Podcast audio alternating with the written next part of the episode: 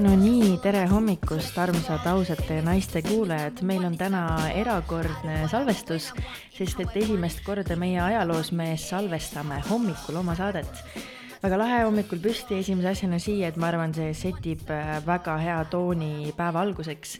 ja me püüdsime ühe väga huvitava külalise kinni, enne kui ta siin meil minema lendab et tõesti, kindlasti tuleb väga-väga äge saade, et me Elisega oleme pikka aega olnud juba väga elevil. küsimusi sai pikalt ette valmistatud ja mm, jah, lähmegi siis kohe asja juurde, tere hommikust, Meeme Mõttus. tere hommikust, tüdrukud kuidas see tunne on, sa vist äh, rääkimisega ennast ebamugavalt ei tunne, et? Äh, ei tunne mugavalt, või tähendab ebamugavalt, tunnen ennast väga hästi. et äh, hommik algas hästi, hästi vara, kell viis juba, nagu tavaliselt, viie-kuue paiku, nii et olen valmis. siis on su hommik juba ju üsna pikalt kestnud, mis sa siis kõik ära oled jõudnud teha juba? ülesse tõusnud, hambad pesnud jooksmas käinud, võimelnud, mediteerinud, kuulanud muusikat, kuulanud podcast'i, hommikusööki perele teinud, auto pesulasse viinud ja siia tulnud. kõik päevaasjad peaaegu juba ära tehtud kas see on sul igapäevane ärgata nii vara? enam-vähem. no sõltub ilmast ka natuke ja kuidas ma viitsin, et et natukene selle päevarütmi küsimus on ju, kes kuidas elab. et mõni tahab öösel üleval olla, mina öösel magan ja päeval toimetan. just, kuidas kellegi rütm on nii, aga meie tänase saate eesmärk, me siin rääkisime ka, et me tahaks, et see saade tuleb äh, hästi vaba, piirideta, me kindlasti ei ole küsimustes kinni. pigem, et sellest tuleks selline mõnus äh, arutelu, siis me ütleme ära ka, et, äh, et meie siin tänases saates räägime, siis tahame, et see kujuneks nii välja, et me räägime ainult faktidest, me räägime enda arvamusest ja me soovime, et igaüks siis teeks saate lõpus järeldused ja valikud ise et see on meie eesmärk. aga Meeme, kui me küsisime sinu käest äh, paar lauset kirjelduseks, siis sa ütlesidki meile, et sa oled tavaline mees, viie lapse isa, hambaarst ja tegelikult, miks me sind saatesse kutsusime, sest sa oled hästi ausalt ja lahedalt ja avameelselt jaganud äh, praegusest riigi olukorrast ja tervishoiusüsteemis toimuvast, seega mõtlesime, et see on väga aktuaalne, mida siin meie kuulajatele ka jagada aga ma paneks sind ka siin korra tanki ette, kui keegi küsiks, et kuidas sa üldse iseennast kirjeldaksid? No kõigepealt suur tänu, asusite ja hästi tore. Äh, ega ma täpselt ei teagi, mis me siin täna rääkima hakkame. mul midagi ette valmistatud ei ole, nii et äh, aga enda kohta täpselt nii ongi, et rahulikult kulgen kuulge, et jah, mis oli lahe ka see, et me tavaliselt ikkagi mingil määral küsime, et mis teemasid on seda ja Meeme ütles meile, et valige ise, nii et me siis valisime. jah, ega ma ei tea täpselt, ma olen nagu selline praegult vähe pimesikumäng on ju. aga seda autentsem see saade tuleb, nii et väga lahe. ma usun ka. aga alustame siis algusest, et räägime sellest ähm, kõige basic umast asjast ka, et räägi meile natuke enda eluteekonnast, et kuidas sa üldse oled jõudnud täna siia, kus sa, kus sa hetkel oled no sündisin Eestis ja Eestisse olen jäänud, nii et praegult olengi nii ja ega ma ei, ma ei oska nagu midagi palju lisada nagu kõik tavalised inimesed mm. -hmm. Käin koolis, käin ülikoolis, käin erinevaid asju õppimas, vaatan maailmas ringi, siis tulen jälle tagasi ja siis teed oma asja, et ähm, tundub, et mul ongi selline terve elu olnud sihuke avastamise retk või, või kogemise retk, et äh, kui keegi räägib mingitest lugudest, siis mul tuleb, aa, mul on ka midagi sarnast olnud. Nii äge, mis mina olen õppinud ja mis teised siis nagu on äh, taipanud sellest hetkest ja, ja siis me saame nagu rääkida sa oled ju arst olnud ka juba väga-väga pika kogemusega, et äh, kas see on sul nagu varasest juba mõttes olnud või kuidas sa nagu selle teekonnani jõudsid?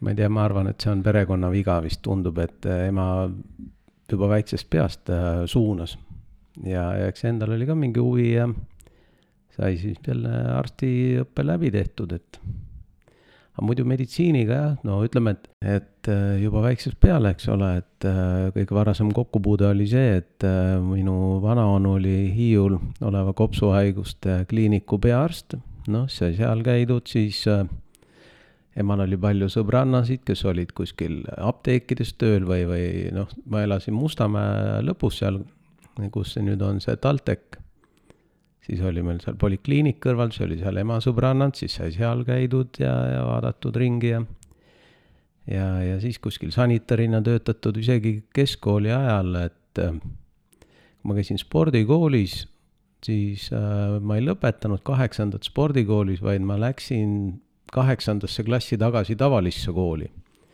et viiendast kaheksandani ma käisin, tegin sporti, noh, siis oli selline asi. Ja, ja, ja tavakoolis siis äh, gümnaasiumi osa ma käisin iga öö, kas oli neli või viis ööd vastavalt graafikule, käisin siis äh, Mustamäe haiglas operatsiooniplokis sanitarina tööl. ja siis äh, õppisin õhtuks, õhtul seal natukene, siis tegin töötöö läbi ja oleneb ju, mis seal tuli, seal opisaali, mina ju ei teadnud. ja hommikul siis kooli ja, ja, ja siis tuli ülikool ja, ja nii edasi, nii ta on läinud vaikselt. Nii et jah, kuskilt äh, gümnaasiumi algusest saadik nagu selles nii-öelda selles äh, meditsiinis sees olnud. juurtest, juurtest peale siis võib nii-öelda. noh, nii natuke üle kolmekümne aasta jah, et wow. või rohkem tähendab, ma ei teagi, ei viitsi arvutada peast praegu äh, tere kõigile ka minu poolt, Elis on ka endiselt siin küsimus, et kas sul on mõni eeskuju ka, äh, kelle mõttekäike sa järgid või kes sind inspireerib? väga ei ole, et äh, ma arvan, et hästi palju tarku inimesi on maailmas, et äh, ei ole vaja endale luua selliseid võlts äh, teemoneid või võlts äh, selliseid jumalaid, et äh, ela oma elu, aga jälgi, mis teised teevad, võta õppust ja toimeta vaikselt jah, mulle eile sirvisin ka hästi palju sinu ütlemisi ja väga kuidagi samastusin, kuidas sa neid ütlesid ja vot asi ongi selles, et mitte mida sa ütled, vaid kuidas sa seda nagu serveerid, et see hästi kõnetas mind. ja sealt mul eile nagu tekkiski küsimus, et mis sinu sellised elu põhiväärtused üldse on? no vot, võta nüüd, mis nad võivad olla, ma arvan, et et selline äh, headus, ausus äh, iseenda suhtes, et, et, et kuidagi peaksid püüdma jääda iseendaks, et see on nagu üks suur osi, et hoolimata mingisugusest võimust või rahast või, või mingitest probleemidest ikkagi lõpuks nagu säilitada iseennast, et mina arvan, et see on üks kõige, kõige tähtsam asi üldse kogu eluteel, et ja, ja, ja lihtsalt äh, sa võid olla karm mingil hetkel, eks ole, aga sa pead olema ikkagi nagu aus igas asjas, et äh, kui sa oled ettevõtte näiteks juht või, või, või mingisugune liider, siis teatud distsipliini on vaja, eks. aga samas sa pead äh, minu arvates jääma ikkagi selliseks ähm, ausaks või truuks oma põhimõtetele, et et äh, mitte valetada iseendale jah, ma tunnen, et need kõik on eriti olulised just praegusel keerulisel ajal, et äh, aitavad väga palju. kui sa nii ütled, et on keeruline aeg. seda ka jah äh, sa oled just Eestis, Eestist ära minemas, kas sa meile ka natuke jagad, kuhu ja miks? no vaata, Eesti kliima on tore, talvel saab suusatada aga ma olen seda nii palju elus teinud, et äh, nüüd ma mõtlesin, et, et läheks kuskile soojemaale, kus ei pea suusatama talvel näiteks, eks. aga kus saab värskeid puuvilju ja, ja värsket kala ja värsket õhku, D-vitamiini, kõike seda, nii et äh, võiks minna jah, sinnakanti, kuhu kõik eestlased lähevad, Hispaaniasse näiteks mm. põgeneda, eks ole, mõneks ajaks, et vaadata, mis seal elu teeb. ja sulle, ütleme, tagasituleku kuupäeva planeeritud ei ole, eks? ei ole praegult jah ei, väga lahe, ma tunnen, et, et mind ka tõmbab ja jah, kes ei tahaks praegu sinna minna, et väga lahe. aga okei okay,, algus on tehtud, lähmegi siis äh, sukeldume põhiteemade juurde, et me siis äh, plaanimegi lihtsalt natuke rääkida, ütleme praegusest olukorrast, tervishoiusüsteemist, ütleme natuke koroonast, natuke piirangutest, natuke muust elust, et, äh, et vaatame lihtsalt, mis siit nagu välja koorub et äh, mina nagu küsiksin ka, et ähm, kas selle, ütleme, koroona algusega, kas sa nagu mäletad ka, et kas sinu tööelus üldse ka nagu midagi muutus või see ei mõjutanud midagi? no ikka mõjutas ju, vaata, tegelikult see asi on äh, palju sügavam ja kaugem, et mida me praegult mõtleme või näeme.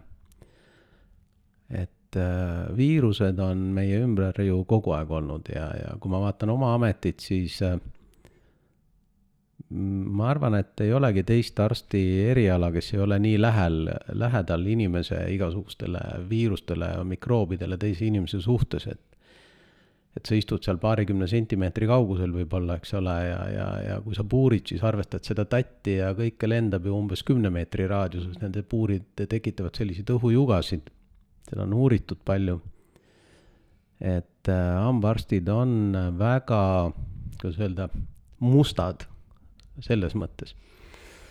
Ja, ja meil peab olema ikka päris hea immuunsüsteem, et kõik seda jama nagu vastu pidada, sest ega me ju ei vali seda patsienti, kes tooli istub, on ju, ma ei tea, mis tal tegelikult äh, organismis toimub nii-öelda viiruste tasemel. ja, ja, ja muutis nii palju, et esialgu oli ju paanika kõigil selles osas, et äh, keegi ei teadnud, mis see on, kuidas käituda noh, me lähtusime võib-olla kogu maailmas, tehtigi üks suurimaid vigu või, või, või alguses sellist stardi probleem oli selles, et äh, meil olid kogemused varasemate äh, nii-öelda viirusinfektsioonidega, eks ole, et äh, seal hingamisteede viirustega ja siis me mõtlesime, et noh, et see on midagi sarnast. ja, ja, ja siis selle, no mis seal oli, eks ole, siis me hakkasime kandma erimaske, siis üle maailma hambaarst kesk panid üleni kile sisse oma vastuvõtud, eks ole, iga patsient oli umbes plastmassi mähitud. Erinevaid igasuguseid puurimisbokse, asju tehti, plastikust asju, noh, miljon asja, mul endalgi, mul ei ole täna kaasas, aga ma olen siin kunagi Facebooki pannud paar pilti ka, et suured topsikud ees ja prillid ees ja üle keha mingisugused suured kitlid ja kõik värk-särk, et et äh, päris kulukas äh, ettevõtmine, siis olid ju kõik, äh, kui see nii-öelda reaalpaanika algas, see oli ju kõik sellised töörõivaste ja, ja selline varustuskanalid, kõik sai ju kohe otsa ühe, noh, põhimõtteliselt oli nii, et me hakkasime tellima turvaülikondi netis. ja sisuliselt nina eest näed, läbi müüdud, läbi müüdud, läbi, läksid nimekirja lõppu, vaatasid kõige kallimad asjad, ostsid need ruttu ära, sest noh, reeglina inimesed vaatavad, kus on odavam, noh, võtavad neid kõigepealt, eks ole mina vaatasin, et ei, et see läheb niisuguse tempoga, et äh, siin tuleb võtta kõige lõpust kohe kõik, kõik, kõik, mis on. nii palju, kui saab, tõmbame endale ära, sest me ei teadnud ju, vaata haigekassa ju osadele kliinikutele ütles ka, et pange kinni, ei tohi vastu võtta patsiente, eks ole, kõiksuguse igavene paanika ja Soomes oli see veel pikemalt kui Eestis. Meie töötasime kogu aeg, on ju. töötajad ei julgenud tööle tulla, siis ma töötasin oma tütrega kahekesti, tema julges. Mitu kuud, ma arvan, et kolm-neli kuud tegime niimoodi tööd. Kahekesti, keegi ei julgenud tööle tulla, ükski arst, assistent, sekretär, kõik küll kodus. Nii et, äh, et muutis päris palju alguses. kui sa küsid, mis täna on, näiteks, täna on palju rahulikum.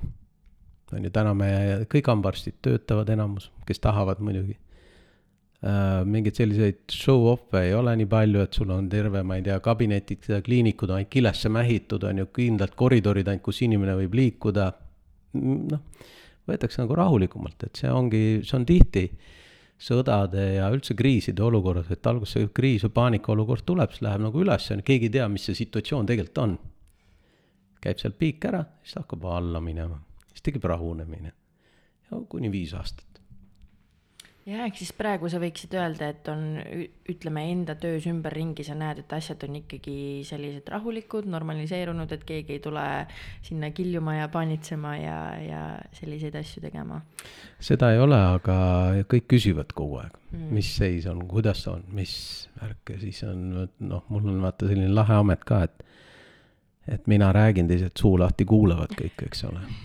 et äh, ma olen sihuke lobamokk ka parasjagu jah, sõna otseses mõttes tegelikult ju enda toolis jah, et äh, istud ja suu on lahti ja kuulad, aga, aga teema ikkagi väga palju keerleb selle, kogu selle äh, koroona ümber ja, ja kõik selle jama ümber, mis siin korraldatakse. jah, paratamatult, kui sa oled sellises keskkonnas, inimesed äh, tahavad kuulda äh, mina nägin sinu keemikat videot, kus sa rääkisid ter-, te-, terve inimese kostüümist ja no. et see oli väga naljakas, see oli väga lahe, et kas see oligi siis see, mis sa just praegu ütlesidki, et ja, need mm -hmm. ma mõtlesin, et peaks isegi linna minema sellega kõndima vahepeal, et kui see teema tuli, et, et kes tohib üldse liikuda, et siis panemegi tervete inimeste ülikonnad ja kõnnime kõik terved niimoodi linnas ringi, on ju. et võib-olla see ongi tulevik või, või olevik. Jah, see meenutas mulle väga sellist hästi planeeritud Halloweeni kostüümi et tõesti nägi, nägi hea välja. Aga mina küsiks sellise küsimuse, et äh, kui me nüüd lähme natuke ajas tagasi täitsa, täitsa, täitsa sinna üldse koroona algusaegadesse, et äh, kas sa mäletad sellist hetke, et äh, mis, mis ajal sa nagu said aru, et äh, see kõik ei pruugi päris nii olla, nagu meile räägitakse, et millal sa hakkasid ise sellist infot nagu juurde otsima või natuke kaugemale vaatama?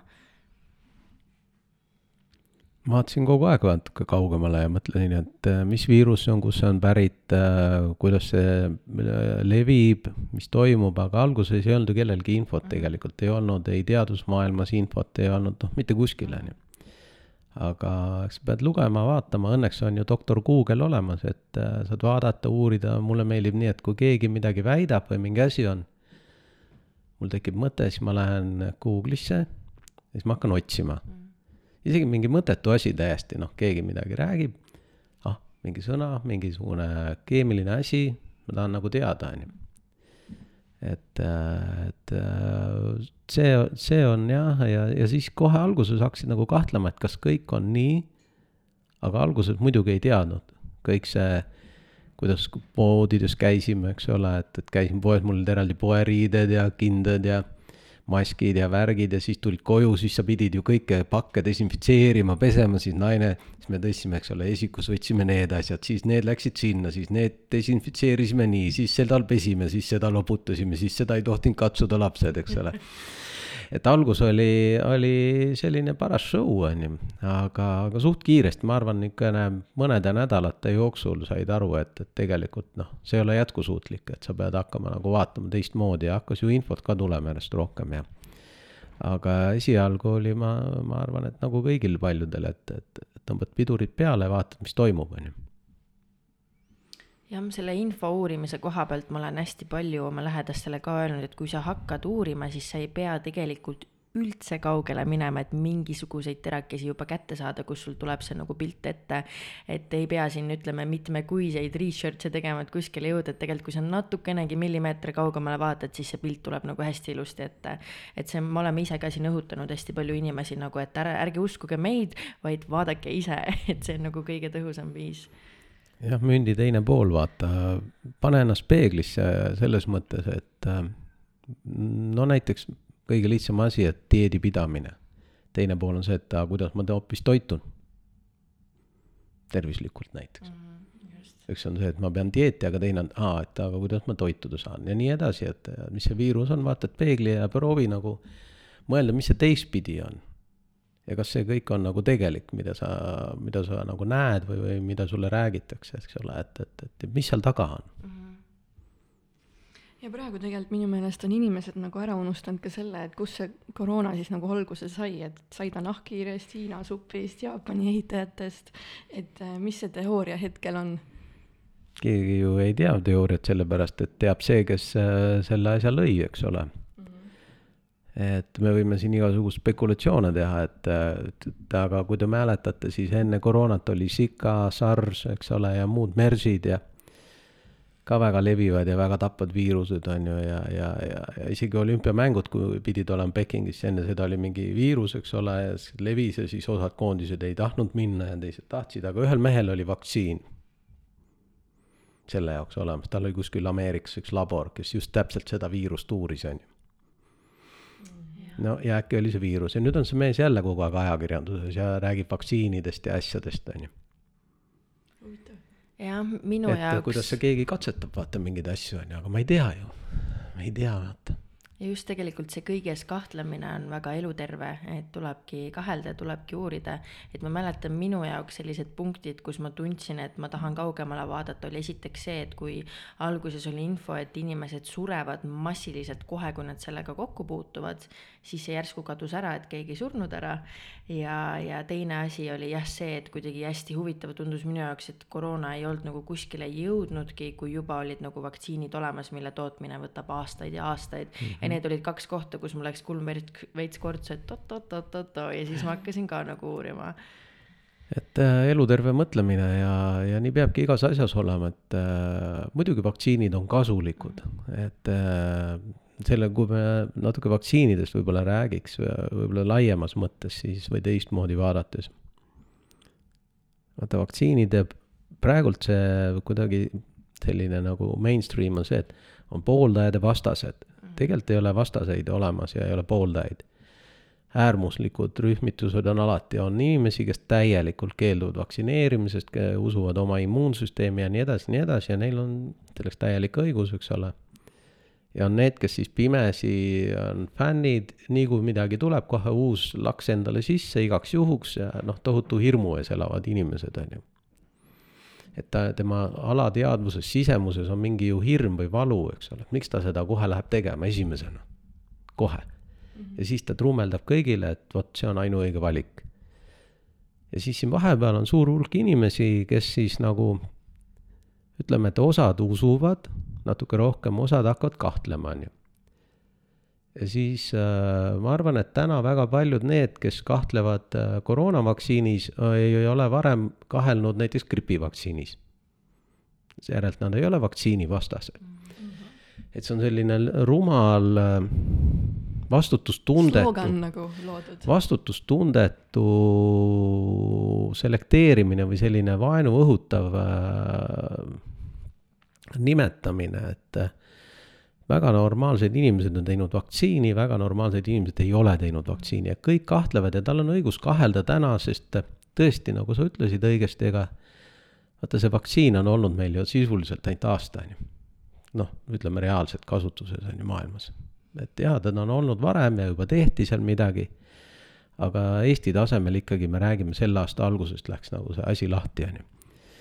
ja tasub ikka natuke mõelda ka, on ju. Et, et kas see kõik on nii. ja siis mõtledki, et äh, okei okay,, et see vaktsiin on ju, noh, tuli. paljud hakkasid seda kohe tegema. aga väga paljud ju ei teinud ka alguses, on ju, ja siis läks see jama lahti, et kuna see kogu see vaktsineerimise korraldus oli noh, minu hinnangul ikkagi suhteliselt käpardlik ja meil ei olnud äh, võimekust teha kohe õigeid otsuseid või teadmisi või, või, või poliitilist sellist julgust, on ju. et äh, vaktsineerida kohe ära riskigrupid, kohe, kiirelt, ühe kuuga, kõik ära teha. vaktsiinidega on nii, et nad mingi aeg on tõhusad ja mingi aeg see tõhusus langeb, on ju. ja kui sa teed seda nagu poole aasta, aasta jooksul, siis tegelikult see riskigrupp kuidas öelda, roteerub, eks ole, et sul, me teame täna, et see vaktsiini tõhusus on, ütleme seal kaks-kolm kuud, on väga hea, siis hakkab langema. nüüd ongi, et kui sa selle aja jooksul ei jõua kõike ära teha, on ju, siis needsamad inimesed saavad kokku, teevad, ühel langeb, teisel tõuseb, üks on juba kaitsetud, teine, teine alles alustab. kõik sellised asjad, et, et mulle täna kuidagi tundub nii, et, et kui oleks siis saanud nagu rohkem kiiresti tehtud oleks meie vanurite olukord parem ja me ei oleks täna sellises paanikaosakonnas, nagu me oleme, on ju. No minu mõistes, äh, miks inimesed nagu kohe läksid nagu ka vaktsineerima, on see, et ega meile ju tegelikult ei räägita, et kuidas nagu enda tervist hoida üldse nagu avalikult, et kuidas päriselt olla terve. et jah. ennetada nagu seda. see on, see on minu arvates kõigi asjade nagu alus, et, et, et kui vaadata vot seesama, et, et tuli vaktsiinid, siis hakkas kohe hakkas see, nagu sa ütlesid, et oi, et meil kõik surevad massiliselt, kus nad surid, suremus ei ole tõusnud. mitte kuskilt otsast, on ju. meil on haiglad olid täis kuule, vaadake Terviseameti, äh, Tervise Arengu Instituudi aruandeid kaks tuhat kakskümmend aasta kohta. kaks tuhat kakskümmend alguses meil oli paanikaosakond. kõik pandi kinni, kõik tehti, oo haiglad on täis, juba siis räägiti, haiglad on täis, kõik päästame Eesti meditsiini, oli jutt mm.? ma arvan küll, et oli. nii, kaks tuhat kakskümmend patsientide ütleme siis haigla koormus langes pea kolmkümmend protsenti raha, mida eraldati, ma ei mäleta, mingi üle, ma tõesti praegu panen peast, aga ütleme, et mingi paarsada miljonit või sada miljonit, vahet pole. alla poole kasutati ära sellest erakorralisest rahast, ülejäänud kanti riigieelarvesse tagasi. ehk rahapuudust ei olnud mm. -hmm. üle saja milli kanti riigile tagasi raha, mida jäi koroona nii-öelda eraldatud rahareservist jäi üle. nii, oot-oot-oot et lähme siis nagu tagasi, et meil oli paanika, me peame Eesti tervishoidu pääs-, päästma, kõigile aumedaleid andma ja siis saame presidendi vastuvõtul, eks ole, oleme kuulsad arstid. aga kus paanika oli? vastuvõtud langesid, patsiente oli vähem haiglas ja raha jäi üle, on ju see oli kaks tuhat kakskümmend, praegult on muidugi natuke teine situatsioon selle delta tüvega ja nüüd eriti vot selle lainega, mis meil siin oktoobris algas, eks ole. aga kuni oktoobrini meil ei olnud mingit erinevust eriti. järelikult, kus see suremus on, kus see paanika on? et me võib-olla, ma ei tea, mis teie küsimused on, ega ettevalmistatud mul ei ole midagi, eks ole, me võtnud mingeid andmeid ja Exceli tabeleid kaasa aga, aga terveks olemine on kui me nüüd vaatame, siis miks ei ole selle aja jooksul mitte kordagi pandud rõhku terveks olemisele, profülaktikale äh,, varajase ravi uuringutele nii palju, on pandud vaktsiinile ja sellele meediakampaaniale selle all. et, et minu arvates arstide nagu esmaülesanne ongi inimestele öelda, kuulge oleme terved, hakkame nüüd rääkima, kuidas terved olla, mitte nii, et mine koju, eks ole, mõnitame, et mine koju joo teed, eks ole, pane hanerasva ainult. et see, kuulge, see ei ole arsti jutt jah, minu jaoks oligi hästi huvitav koht, et ma ei ole kunagi väitnud, et ma olen mingisugune koroona või vaktsiinide vastane, aga mind hakkaski huvitama, et miks justkui turul oli ainukene eh, immuunsuse kaitsmise valik vaktsiin. et nagu ma ei ütle, et see ei toimi, aga meil on nii palju teisi valikuid ka, kuidas ennast hoida, et miks nagu suured meedialehed, meedia, ütleme ajakirjad, miks mitte keegi sellest ei räägi, et ükskõik kuhu sa vaatad, siis ainuke variant on see, et kanna maski, hinda hinda, hinga seda enda süsihappegaasi sisse ja siis tee vaktsiin, et muid variante ei ole nagu mm. -hmm. no tegelikult natukene mingi tsinki ja C-vitamiini jah, räägite jah, aga tegelikult on ju D-vitamiin ka meil väga-väga oluline praegusel ajal, et immu-, immuunsussüsteemi nagu hoida tugevana, et ma ei ole nagu näinud, et seda nagu selliselt leierdatakse kui vaktsiinikampaaniad. jaa, et äh, jällegi eluterve mõtlemine, et äh, see on ju igas asjas nii, et äh, vaata, võib-olla kui vaadata jälle asja nagu laiemalt või, või kuidagi nagu suurema pildiga, siis tekib see küsimus, et täna hommikul just jooksin, mõtlesin, ma tulen siia, et no mida te küsite, aga mida ma võiksin rääkida, eks nagu poliitik, hea küll, sa küsi, mida tahad, mina räägin, mida mina tahan, on ju. aga äh, ma näen nagu kahte sammast siin, et üks on inimene ise ja teine on siis see keskkond, on ju. ja nüüd, kui ma mõtlen nagu inimene ise, eks ole, siis äh, kui palju meil tegelikult on ise, iseenda suhtes lugupidamist ja vastutust oma tervise eest. ehk kui palju ma saan ära teha ja, ja palju siis keskkond seda soosib, eks. et seesama, et, et missuguseid vitamiine me võiksime tarbida, on ju, mis perioodidel, on ju, millal me võiksime seda suurendada, selle teatud mingite komponentide, mineraalide võtmist, eks ole, millal me jällegi peaksime natuke vähendama, ju see sõltub meie jällegi, missugune meie kliima, eks ole, on see suvi või talv, natuke erinev, sügis, kevad, eks. Äh, samuti oma elurütmiga panna need asjad paika, eks ole, et oma toitumist jälgida, oma liikumist jälgida. et seal on nagu nii palju komponente, on ju, aga, aga kuna meil ei ole vaata, meil on solidaarne tervishoiusüsteem, see tähendab, et vaata ka jälle tüliõun visatud eks ole, et oh, vaktsineerimata inimesed, need umbes vot ei võta haiglasse vastu või maksate ise oma laulu kinni, on ju, oh, nüüd me oleme nii, vot ähvardame teid sedasi, kui sa ei vaktsineeri. jah, ma just nägin äh, vilksamisi täna hommikul, et vaktsineerimata inimese raviplaan siis tõstetakse kuhugi väga tahapoole äh, võrreldes siis vaktsineeritud inimestega, et see tekitas ka küsimusi, et. ja ei no bioeetilisest seisukohast on see ammu juba täielik nagu plagi, noh nagu narrus või, või selline kuritegelik narrus mm. -hmm. ja sellist, sellist te teemade tõstatamist isegi ei tohiks olla ja, ja isegi seda nagu arutada meditsiiniliselt või, või nagu selle bioeetiliselt ei, ei, ei tohi. aga kui selline arutelu tekib, siis tekib küsimus, et meil on solidaarne, me maksame makse, kõik maksavad, on ju järelikult on meil võrdsed õigused ja kohustused.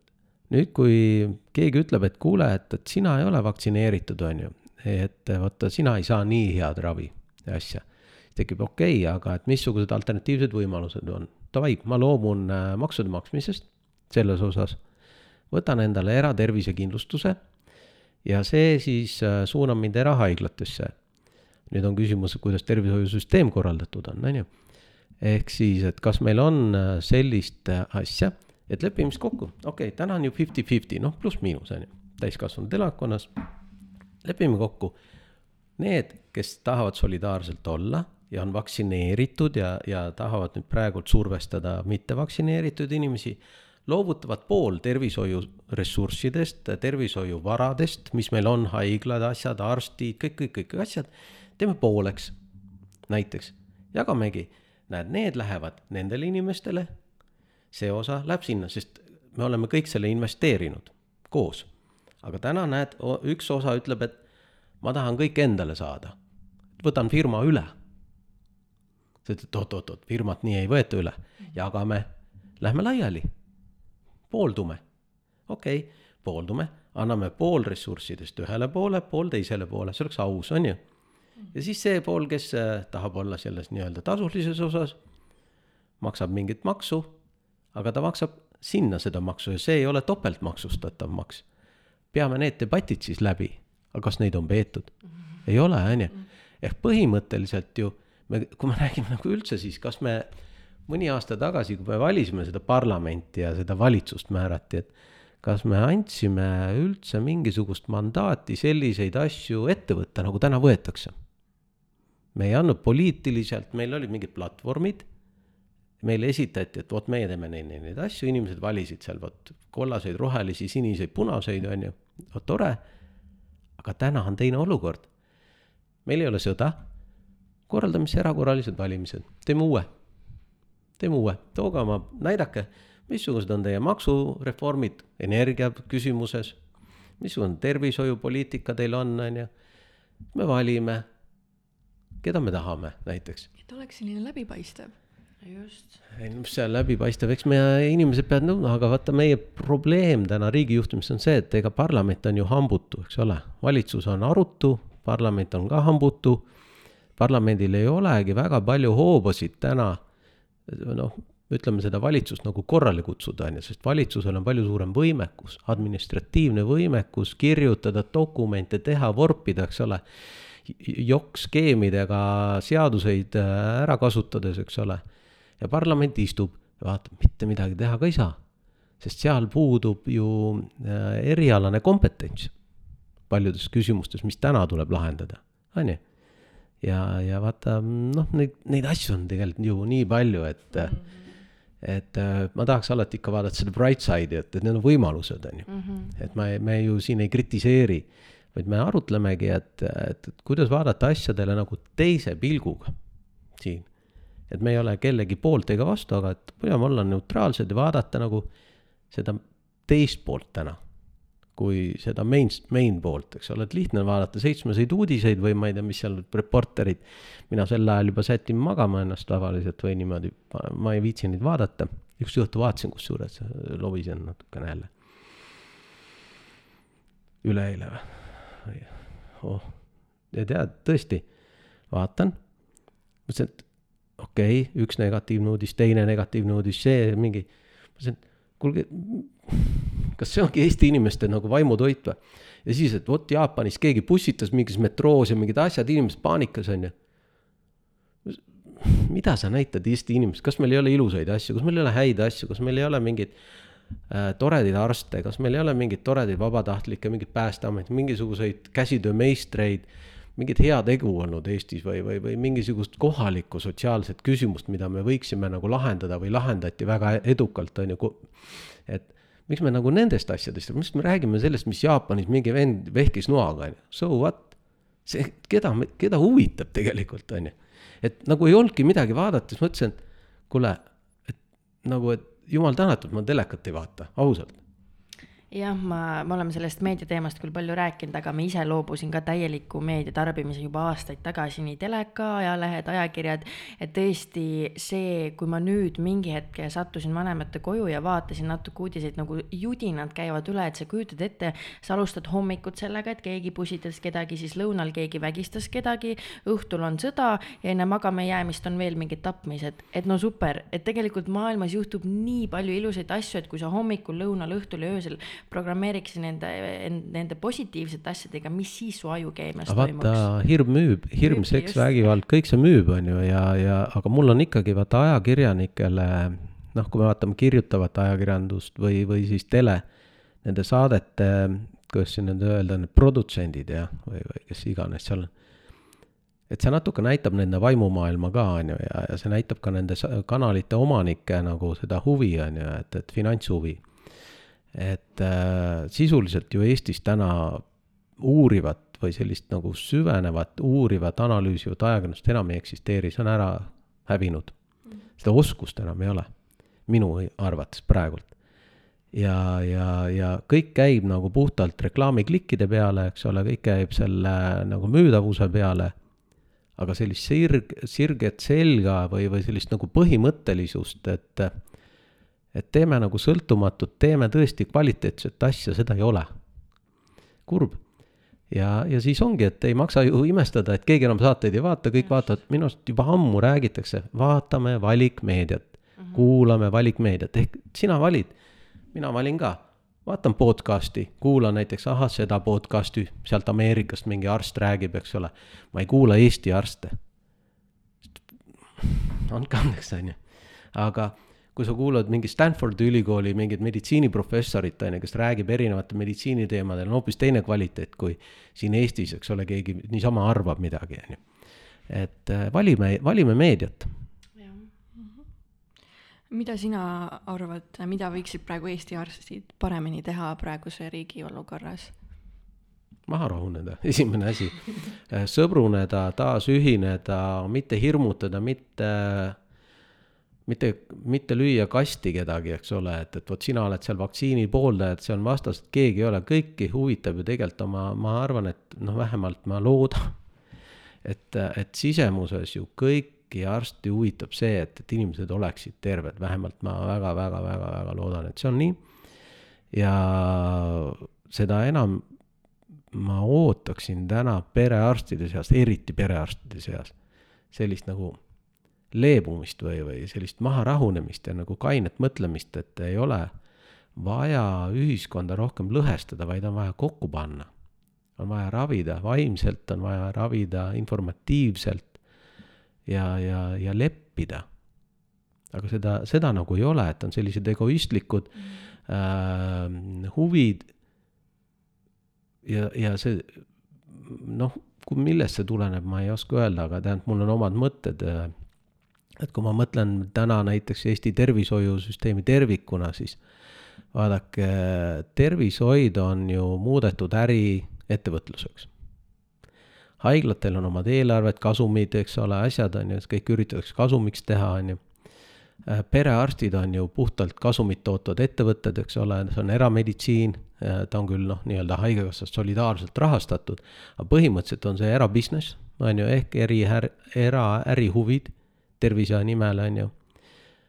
ja, ja kõik sellised asjad, et äh, suuri haiglaid hakat-, suurt haiglat hakatakse ehitama, et kes tahab kuhu jõuda, on ju, sellel redelil kes tahab kuskil ametkonnas mingit kuhugi jõuda, et selline egoistlik tõmblemine on, et, et, et arst võiks jääda ikkagi arstiks, ma arvan, ja, ja natuke nagu maha rahuneda.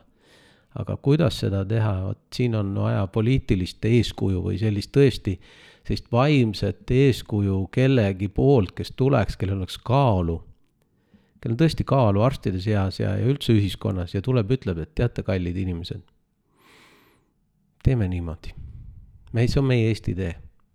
ja nii on õige. ja nüüd on nii. aga täna ma ei ole seda inimest veel leidnud või, või kuula-, kuulnud. Ma arvan, et ta ei ole kaugel, küll see aeg ka tuleb. tuleb, tuleb kindlasti.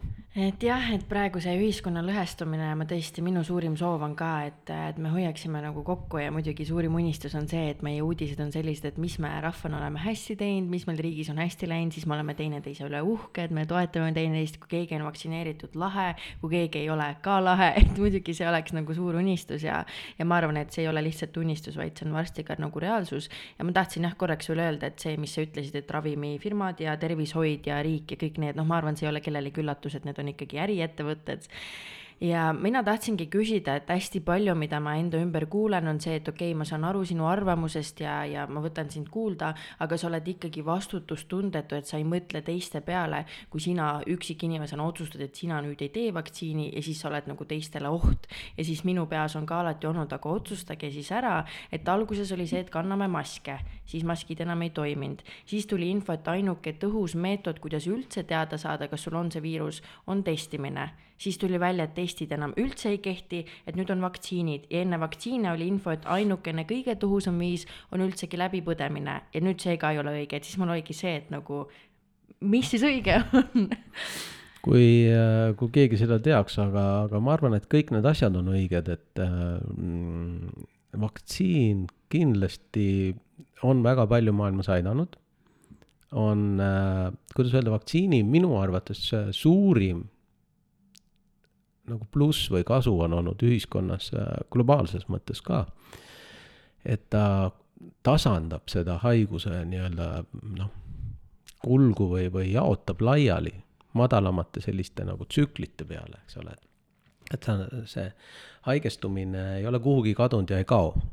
et äh, saame nüüd aru, et, et me elamegi nii-öelda ülemiste hingamisteede viiruste keskkonnas, meil on olnud need kogu aeg nüüd on lihtsalt üks juures, mingi periood, me ei tea, kui kaua see kestab, me oleme liiga vähe selles olukorras olnud, on ju, me ei tea.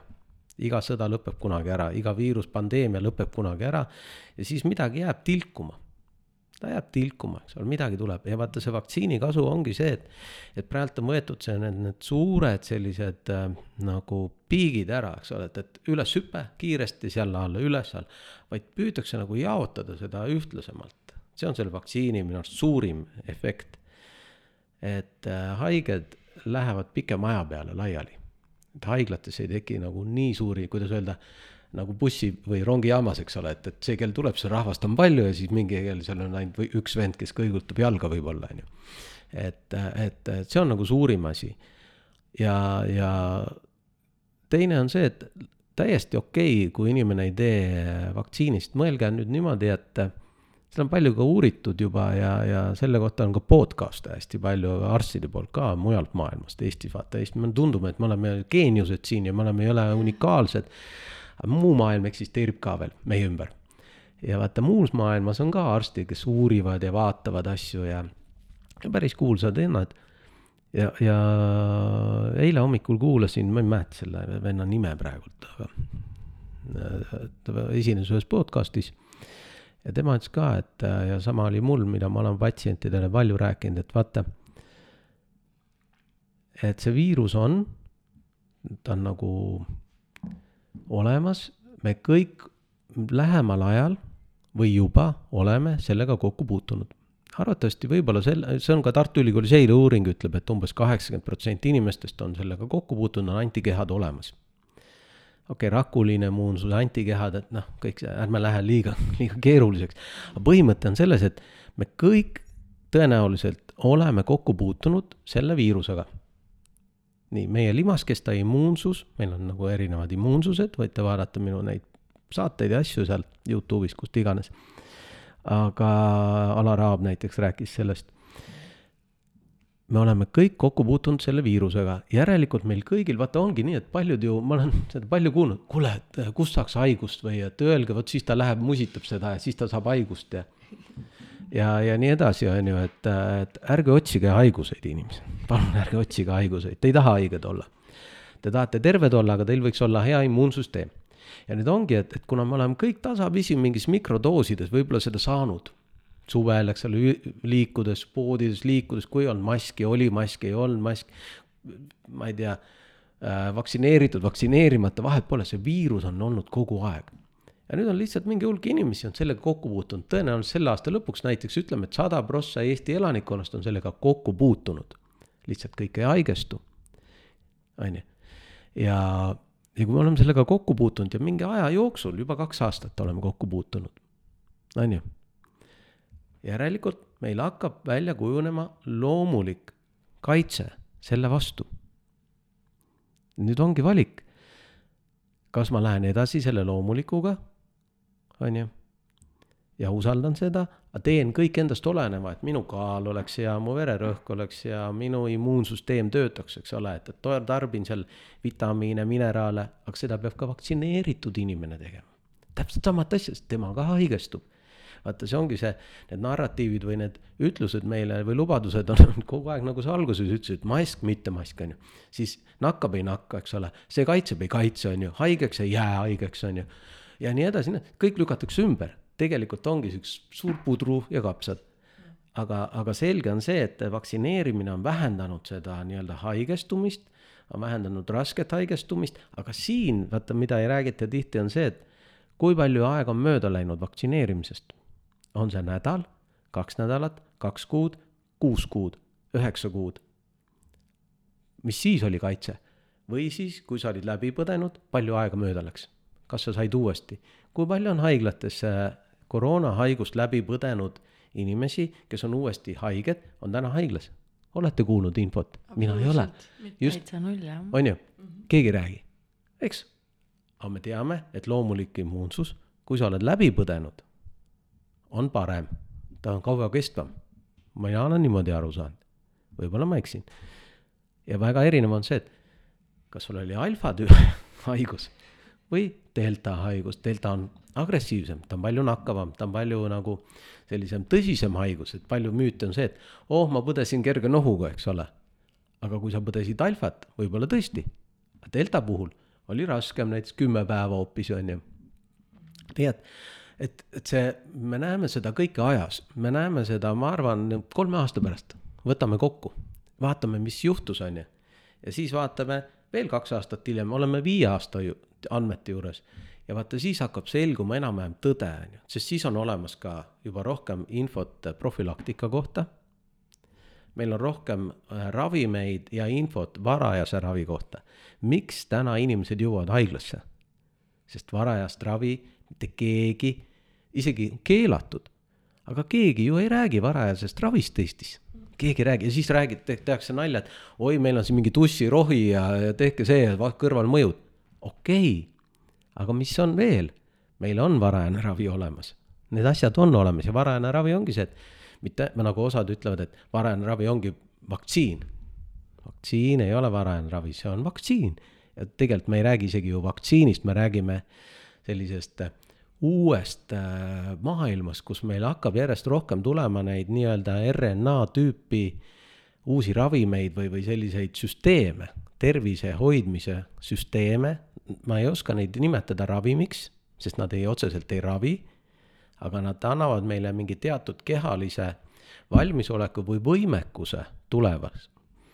ja pane tähele, paarikümne aasta jooksul me valime. Ma saan näiteks äh, endale mingi nanopoti sisse, eks ole, ja siis äh, mul öeldakse, et põhimõtteliselt ei vanane enam. me rak-, paneme su rakkude vananemise seisma. kas sa tahad seda või sa ei taha, sul on valik, on ju ja see praegult on ju miljardite business, mis sinna investeeritakse mRNA-desse. ehk see sõna vaktsiin nagu nüüd ka muudeti vist minu arust seda isegi definitsiooni. Aga sisuliselt me ei räägi nagu vanas mõttes äh, vaktsiinist, vaid me räägime uut tüüpi geeni, geenimodulaatorit või, või siis geneetilistest ravimitest, on ju. aga, aga tarkus ju delta tüve puhul on see, et isegi kui sa oled selle laksu ära saanud, ta läheb sellest mööda ta läheb ümber sellest kaitsest, jah. nii et, et siin on palju asju veel nagu huvitavaid asju, et. Kas sa oled midagi kuulnud ka sellest eestlaste loodud äh, ninaspreist bioblokist? jaa, ma olen seda kasutanud ka, jaa. kas sellest on abi? noh, hea küsimus, vaata selle kohta ju öeldakse, et teaduspõhisuselt, palun, on ju, me oleme teadlased suured. aga loomulikult, kuulge, sõbrad, äh, me räägime ülemiste hingamisteede viirusnakkusest, see tähendab seda ninaneel suu. kui me loputame mingite ainetega, mis on nii-öelda antivira-, viirusevastased ained nii-öelda, siis äh, ja, ja puhastavad meie ninaneelu, siis kindlasti ta vähendab selle, selle ütleme, võimaliku viiruse hulka, on ju. ehk tõenäosus, et sul areneb parem immuunsüsteem, on parem, sest sa saad väheses doosis seda viirust, on ju, sa sa nagu, kuidas öelda, treenid oma keha selle viirusega, on ju. Aga kui sa saad teda palju ja sul on treenimata keha, siis sa tõenäoliselt jääd haigeks ka, on ju see oligi see PCR testid, et kas sul on surnud viirus või on sul natuke viirust või natuke rohkem viirust, on see sul haigus või see on niisugune sümptomiteta. mingi piiripealne oli ka vahepeal, et, et, vahepeal. et, et, et kuidas siin öelda, et, et see ongi nii, et, et, et kas see on nagu väga hea, on see hea või on see kahjulik eks ole, et, et kuidas sa nagu võtad asju, et, et, et kas see on väga hea, et sa saad selle haiguse või on see hea või on see hoopis kahjulik, et mõnele on ta kahjulik ja põebki raskelt, on ju, ja tõesti, ja mõni surebki ära. et me peame vaata inimestena ikkagi kuidagi selle surma teema nagu rohkem ära käsitlema. et mida me tegelikult kardame, kallikesed, et äh, kas me kardame elada või me kardame surra, on ju et väga paljud inimesed ju praegult ja mis see tõmblemine käib, ongi see, et surm, on ju, kõik surevad.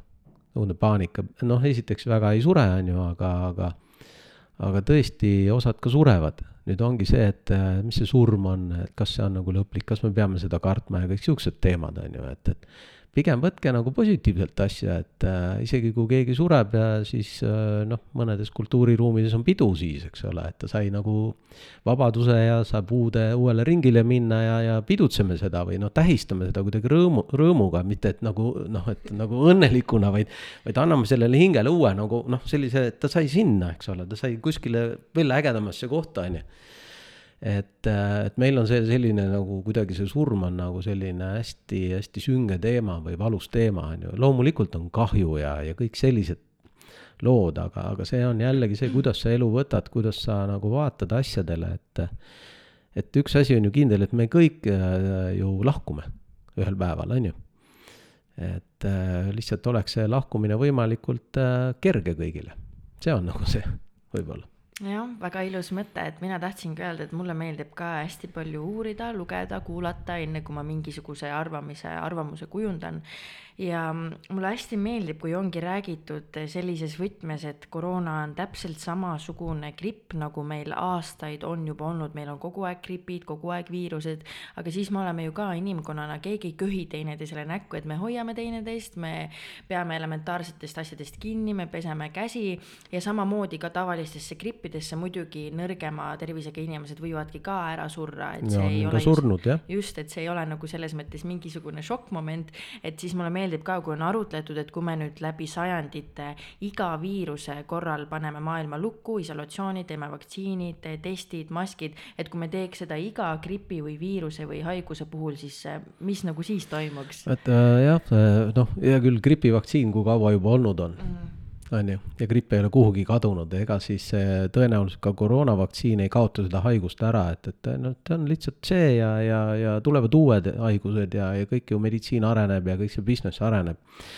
lihtsalt äh, tuli meelde, eile oli mul üks patsient, ta tuli Inglismaalt, ta on eestlanna, elab seal ja õpib ja seda meditsiini asja ja ja töötab Londonis ka mingi haiglasse praktikas just näiteks koroonapatsient, ma küsisin, no kuidas on Inglismaal praegu olukord et noh, ka ju kõik, seal on suht palju vaktsineerituid asju, on ju, et siis mingit paanikat, üks inimene on no, haige. ja ka niimoodi enam-vähem okei okay olukorras, on ju. nii et võta see nüüd, mis siis on, on ju, kas on paanika või ei ole, on ju.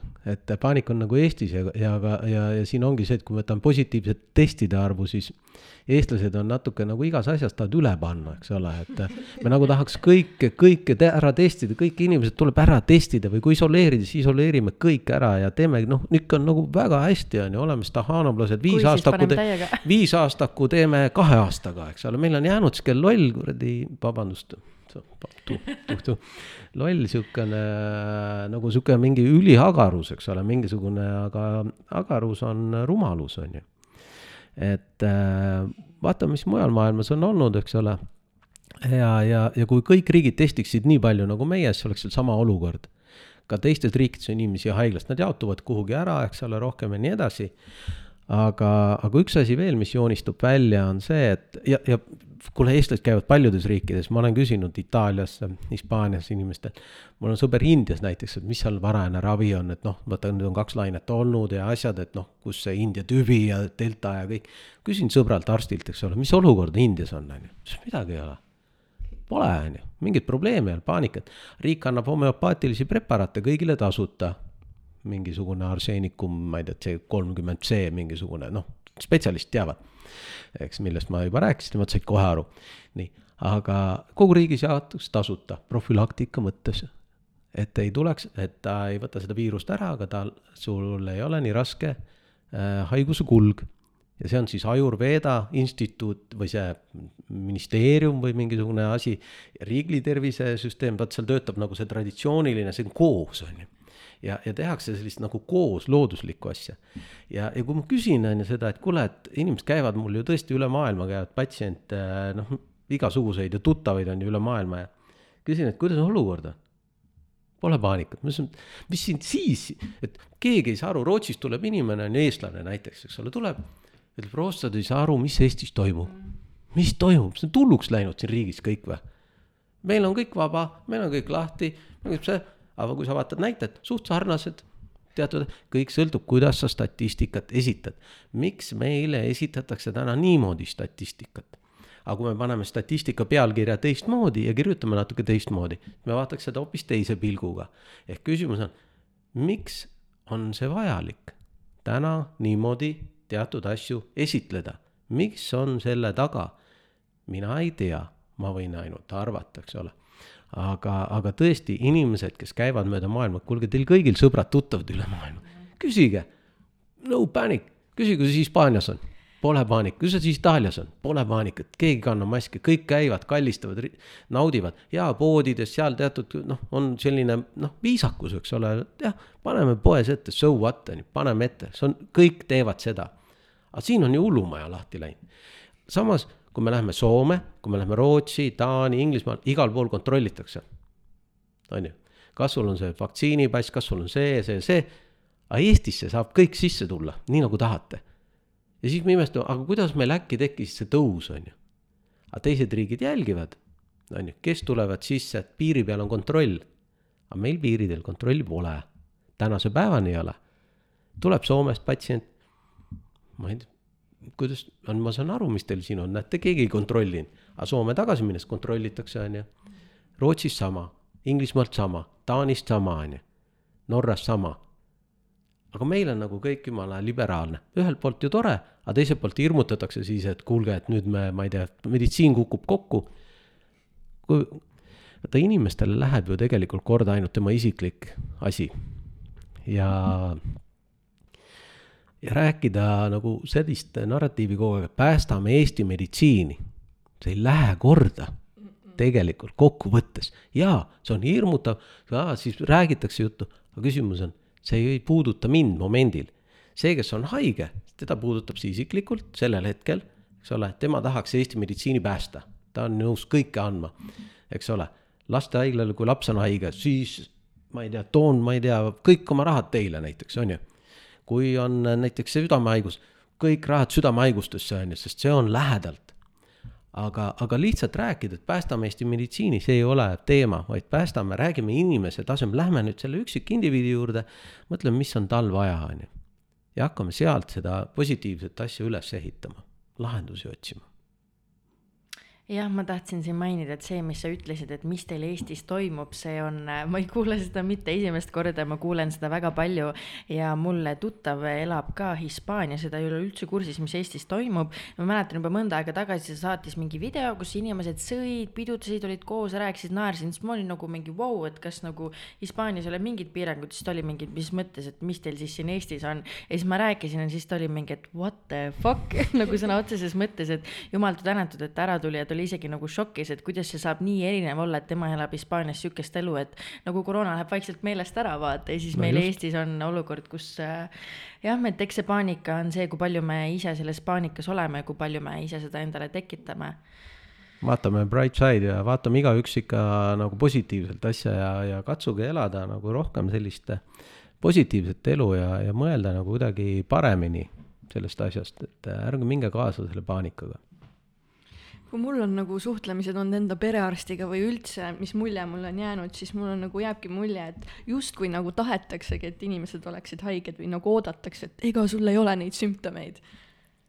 ja väga raske kommenteerida, sest äh, vaata nii palju, kui ma tean, aga ma ju väga vähe tean, on see, et äh, koroonahaigete ravi on peaaegu kahekordse tasustatavuse või, või, või nagu maksustatud või tasustatud haige, haigekassa poolt, eks ole, et kui patsient on haiglas, ta kaks korda rohkem makstakse selle patsiendi ravi eest kui teiste patsientide ravi eest või see nagu üldiselt oleks vaja maksta.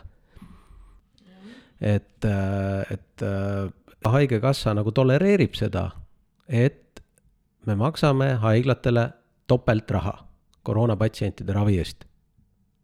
ma ei tea, kas see on tõde või ei ole, aga niimoodi ma olen aru saanud, eks ole, vähe ajakirjandusest ja vaadates nii-öelda siis sellist äh, et äh, nii palju, kui vaadata siis avalikku informatsiooni, siis mina olen asjast nagu niimoodi aru saanud. Minu meelest on nagu naljakas, et me oleme jõudnud nagu täna sellisesse kohta, kus me loeme enda antikehasid, et, et palju sul on ja palju sul on, et, et see on natuke naljakas minu jaoks. võrdleme. Ja, ja noh, sellel ei olegi mingit tähtsust, tähtis on see, et, et kas sa oled terve või, või sa oled haige ja, ja, ja püsige terved lihtsalt, et äh, ja et äh, vaata sellist äh, nagu bright side'i, et, et, et elu on peegel ja see, mida sa nagu mõtled või fookus paned, seda sa saad, eks ole, mida kardad, seda saad. kui sa kardad, et meditsiinisüsteem on ülekoormatud, palun, näed, on tulemus, räägime kogu, päästame Eesti meditsiini kaks aastat, nüüd on katastroof käes, on ju. ja siis imestame, oo, kuidas see juhtus, on ju. noh, pole midagi, noh, erilist, see, see pidigi juhtuma, on ju. ja, ja, ja kui me vaatame nagu, et kuidas me võiksime mõelda, siis ongi, et, et minuga on kõik hästi, ma olen terve, on ju ma saan sellega ilusti hakkama. isegi kui see tuleb, ma põen seda kergelt.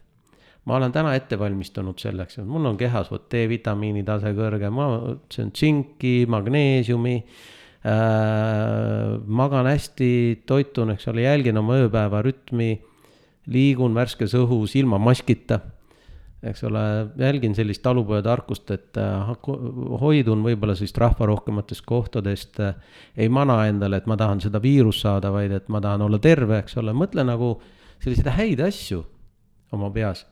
ja sa lähed rahulikult edasi, on ju. aga kui sa kogu aeg nagu võitled, sa saad rohkem võitlust mm.. eks ja vaata, see ongi see probleem, et täna mainstream ja, ja kõik need perearstid ja asjad, paljud nagu võitlevad kogu aeg millegi nimel, et võitleme, tehke vaktsiini, võitleme, võitleme, võitleme, aga see on kogu aeg vastuseis. aga õpime Hispaania, Inglismaa, Soome, Rootsi meediat, mida seal räägiti, seal ei võideldud.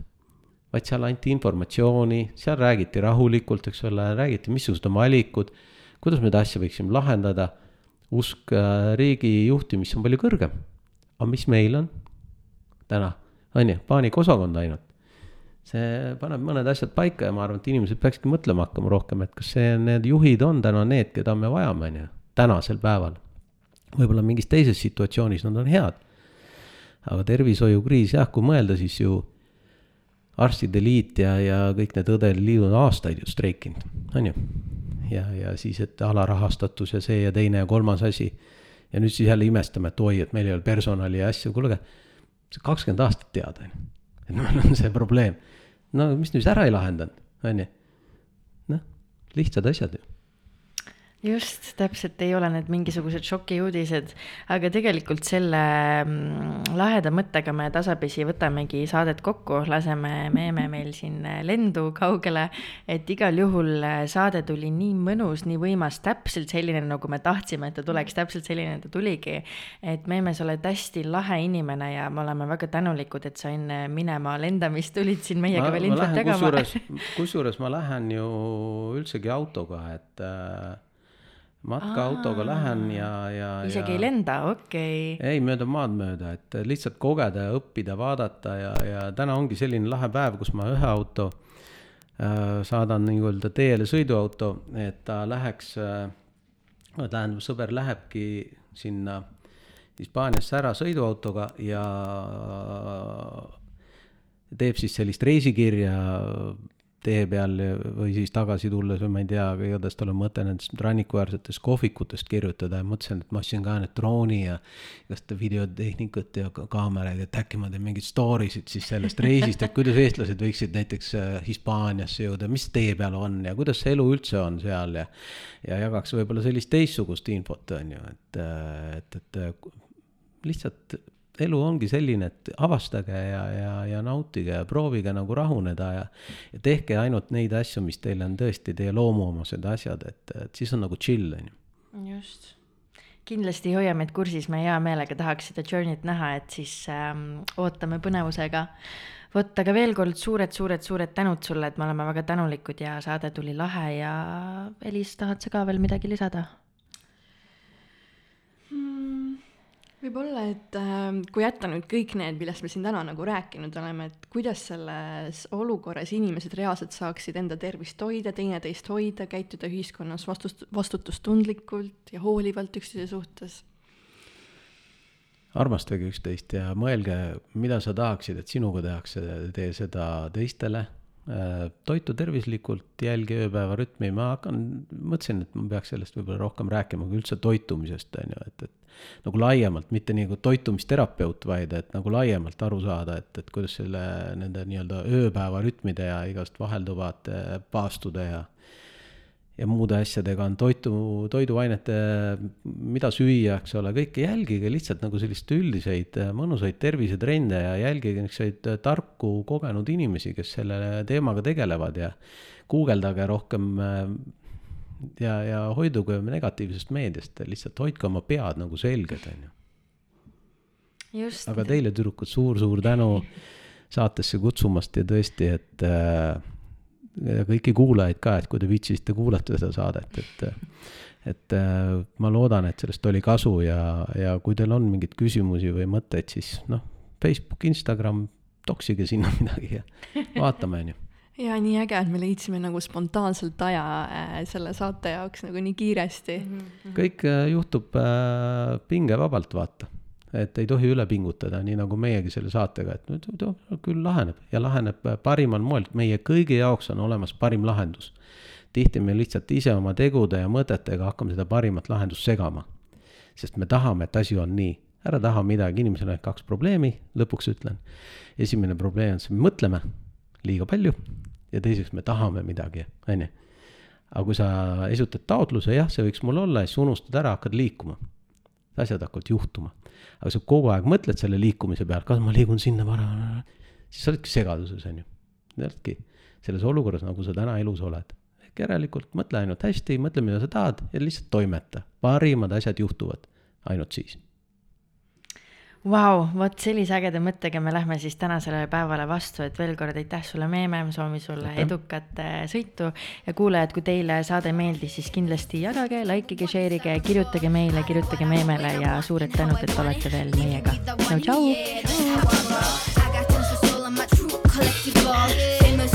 is number one desirable. I do what I want when I want and how I want it. Leave you with the one in the air, that's how I roll. I got changes, so I don't care about no gold. Better, so much better, flipping incredible. Always